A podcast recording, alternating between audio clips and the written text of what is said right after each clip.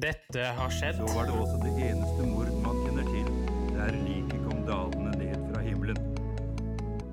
Generation X versus Z. Sandberg Productions presenterer Den ekte samtalen om og med generasjon X og Z. Hold deg fast og nyt. Hei, hei, kjære lytter, og hjertelig velkommen til dagens episode av Generasjon X versus Z. Og i dag, kompanjong, så skal du og veldig mange andre, både fedre og mødre, få vondt i uh, hjertene deres. Uh, for jeg skal snakke om uh, Amelia Dyer, eller The Infant Killer. En eh, barnemorder. Ja, Eller morderske. ja, det er riktig. Uh, og jeg har ikke fått lov av deg til å forberede uh, noe som helst. Nei, uh, og det er jo fordi jeg vil ha veldig objektive svar, og ikke svar fra deg som far, da. Ja, men Det kommer uansett, tror jeg. Men eh, kjør på. Hvem er det? Nei, det var en dame, da, øh, født i Bristol i 1836. Og drev og herja under Victoria-tiden. Altså flytta for hver gang hun var i fare for å bli tatt.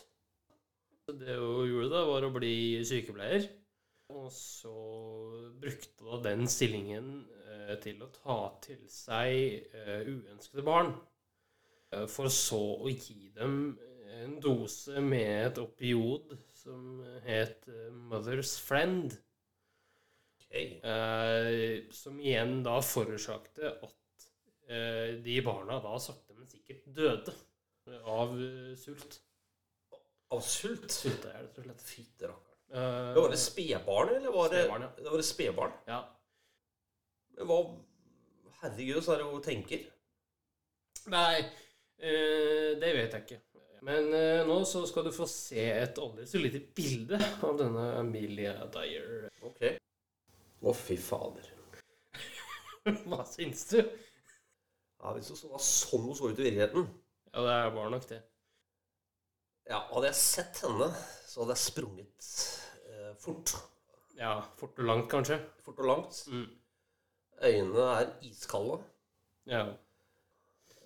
Steinansikt.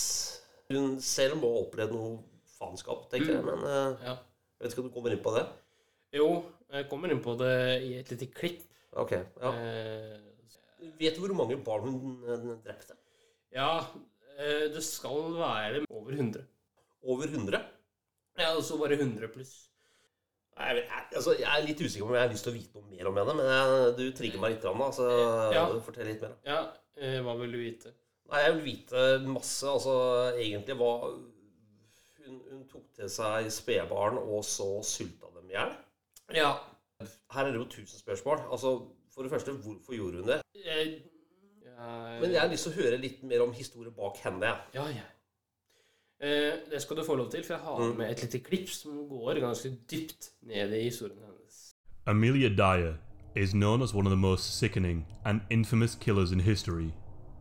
Over the period of two decades, she is said to have murdered hundreds of infant children mercilessly. And she did it while they were under her care. So, how did she do it? Amelia was born in 1836, and when she reached the age of 22, both her mother and father had died. Her oldest brother inherited the family shoemaking business, and for some reason, Amelia became estranged from her family, which left her without any financial support, and she had no legal rights to the business. A couple years later, when Amelia was aged 24, she married a man named George Thomas who was 59. Amelia had two children of her own. After Amelia married, her husband helped her to get into a nursing school, and she began her training as a nurse and a midwife. Whilst Amelia was studying, she met a woman, and this woman introduced her to baby farming. Baby farming is the historical practice of gaining custody of an infant or child in exchange for payment. This happened in late Victoria era Britain. Sometimes the money was given as a lump sum or installments over a period of time. Midwives could take advantage of single women to make money off their unfortunate circumstances that they were in. For a brief time, Amelia owned and ran her own boarding house for pregnant women who were single. Amelia would help women with the delivery of their child. Then, they would pay her to take custody of their children. In her adverts, she promised she was a respectable and married woman that would provide a happy and healthy life for their unwanted children. It said that she came across as a well mannered and well spoken woman. And this charade was enough to fool people, and it led to a growing number of infants under her care. A lot of women left the boarding house with little care for the fate of their children. Although, some would write to Amelia to see how their child was. But Amelia would hardly ever reply. Once the woman left, and the child was in her custody, Amelia would let the child die from starvation and neglect. Starvation is an incredibly painful way to die, and with the cries of a hungry baby being unmistakable, she gave them something called Mother's Friend, which was an opium based syrup. This would keep their babies quiet as they slowly starved to death. Once the child had passed away, Amelia would get a doctor to examine the corpse and take the body away. Some doctors became suspicious of the number of infants that died in her care. And if the doctor did become suspicious, she simply moved away to a new town, or she would have a mental breakdown and she would be entered into an insane asylum. Every time she moved town or city, she would change her name to avoid detection. In 1879, a doctor that Amelia had called to certify the death of a child became suspicious. After a brief investigation, they ruled that Amelia was guilty of neglect, and she served six months of hard, intensive labour. Amelia did her sentence, and she was released. And then she continued her murderous baby farming career.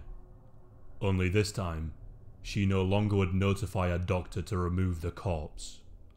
From 1880 onwards, she would deal with the bodies of the babies that she killed herself. She had a realization though. If she killed the baby herself within hours of getting the child in her custody, she would be able to get more profit.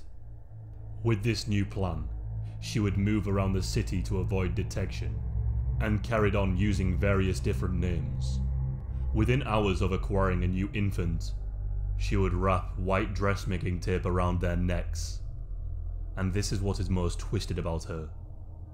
The death was not instantaneous, and she confessed that she enjoyed their suffering. To watch them with the white tape around their neck as they gasped for air and tried to cling on to life brought her joy. When the babies were dead, she would wrap them in cotton or paper and bury them or she would tie rocks to them and throw them into the Thames. The mothers that sent letters asking for updates on their children had no idea that their child was long dead. On the 30th of March, 1896, someone working on the River Thames spotted a package of some kind floating down the river. Intrigued, they managed to retrieve it, and inside, they found the bodies of a dead baby girl and boy. Amelia did not manage to weigh the babies down sufficiently. The police managed to link the material used to wrap the babies to Amelia. They managed to do this by using forensics, which was very much in its infancy at the time. A detective put the wrapping paper under a microscope and managed to decipher a faintly legible name and address. The police learned that Amelia would flee or fake a mental breakdown if they ever suspected her. So the police used a woman as a decoy, hoping she would be able to secure a meeting with Amelia. This would give them a reliable opportunity to arrest her. So on the 3rd of April, Amelia was waiting for the decoy to come by, but instead, she found detectives waiting on her doorstep. The police quickly raided her home, where the foul stench of human decomposing flesh hit them upon entry. No human remains were actually found. But there was, however, plenty of other related evidence, including the white tape that was used to strangle the poor babies. The police calculated that in the previous few months alone, at least 20 children had been placed in the care of Amelia. It also appeared that she was just in the process of moving to a different part of the country. At the rate she was taking on new babies, it's theorized that over the decades she is likely to have killed hundreds, which, if true, makes her one of the most prolific killers in history. On the 22nd of May, 1896, she was placed on trial for the murder of three babies, and the jury found her guilty within four minutes. During the trial, she tried to save herself by trying to prove she was insane, but it was later proved by the authorities that it was just a ploy to save herself from the death sentence. She then filled five notebooks with her last and true confession. Amelia Elizabeth Dyer was hanged at exactly 9 am on the 10th of June 1896. She was aged 57. Her last words were, I have nothing to say. As a result of Amelia's shocking crimes, the adoption laws became stricter, and before the 20th century began, reformers put pressure on Parliament for new laws that legally held fathers financially accountable, which thankfully, for the most part, stopped this from happening. And because she murdered during the times of Jack the Ripper, some have even suggested that she was Jack the Ripper.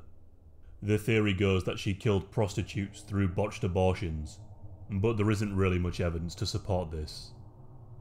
Amelia is thought to be responsible for the deaths of up to 400 children.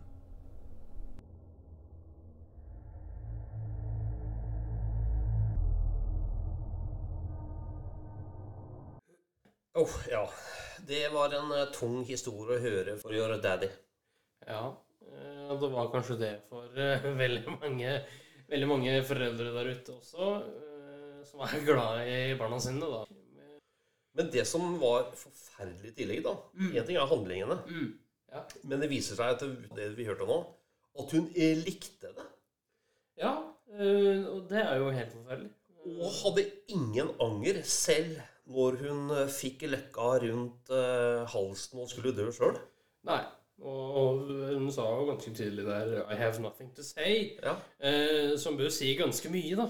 Og du sa jo det tidligere i episoden at eh, jeg hadde løpt hvis jeg hadde sett eh, det mennesket der, og det skjønner jeg. For det kan umulig ha vært noe blitt påsyn. Nei.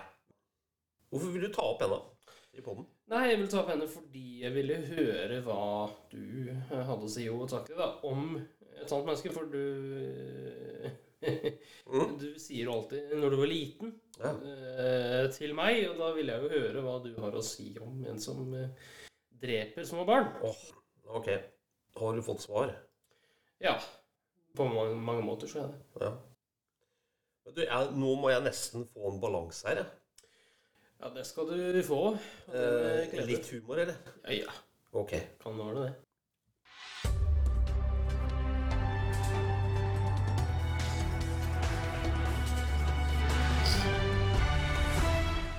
NRK-hjørnet.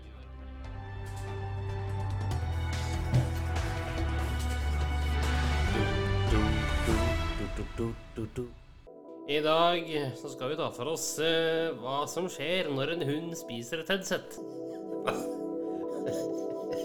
Eh, ok. Det var jo det at Bob eh, han har eh, knaska i seg eh, Kaja eh, sin kollega sitt headset. Og det her gikk jo utover meg da i går morges. Og foreløpig så viser det seg at han har ikke spist så mange harde deler. Og det er jo greit. Men et headset har jo også den her puta som er liksom nær, nærmest huden. Og det, når en liten fransk bulldog skal få uh, fisa ut det, liksom hele den der puta der Altså, da måtte jeg på jobb, altså. Nei. Nei, det jeg måtte gjøre i går, før klokka slo sju på morgenen, det var jo da å dra ut den headphone-puta. Det var det jeg frykta. Ut av verdens minste, søteste lille franske bulldogrumpe. Og det har Det er ingen Det er ikke noen hundebøker som har forberedt meg på det! Nei, men da vil jeg da, nå, nå blir jeg Adelindmo, ikke sant? Ok, ok, ok. okay. Tete Lidbom, Yes, Adelino. hvilke tanker går gjennom hodet ditt da? Det går tanker til meg sjøl Mhm. som klarte å gjøre det uten uh, å brekke meg. Hæ? Kompani Lauritzen, takk, takk. Det Bedre var det. Jeg, jeg så smilet smilete kaptein og tenkte du må være en bedre versjon av deg sjøl. Ja, Og så gikk jo også bedre versjon. Bedre versjon. Siden det er hundebæsj. Bedre versjon. Jeg tror, jeg tror ikke jeg klarer å overgå bedre versjon.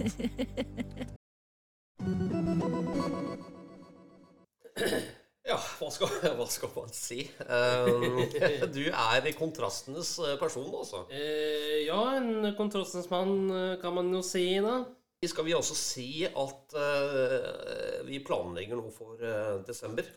Ja, vi kan jo si med en gang at i desember så får du to episoder i uka, kjære lytter. Og det er da én på lørdag og én på søndag. Hele desember. Og vi har det moro nå i spillerien. Ja da. Da eh, kan vi vel runde av der, kan vi ikke det? Tusen takk for nå, gutten min. Takk for nå. Tusen takk for at du fulgte oss. Eh, Gi gjerne tilbakemelding, likes eller kommentar på Facebook-siden vår Generation X versus Z. Velkommen igjen til neste podkastepisode. Hei då!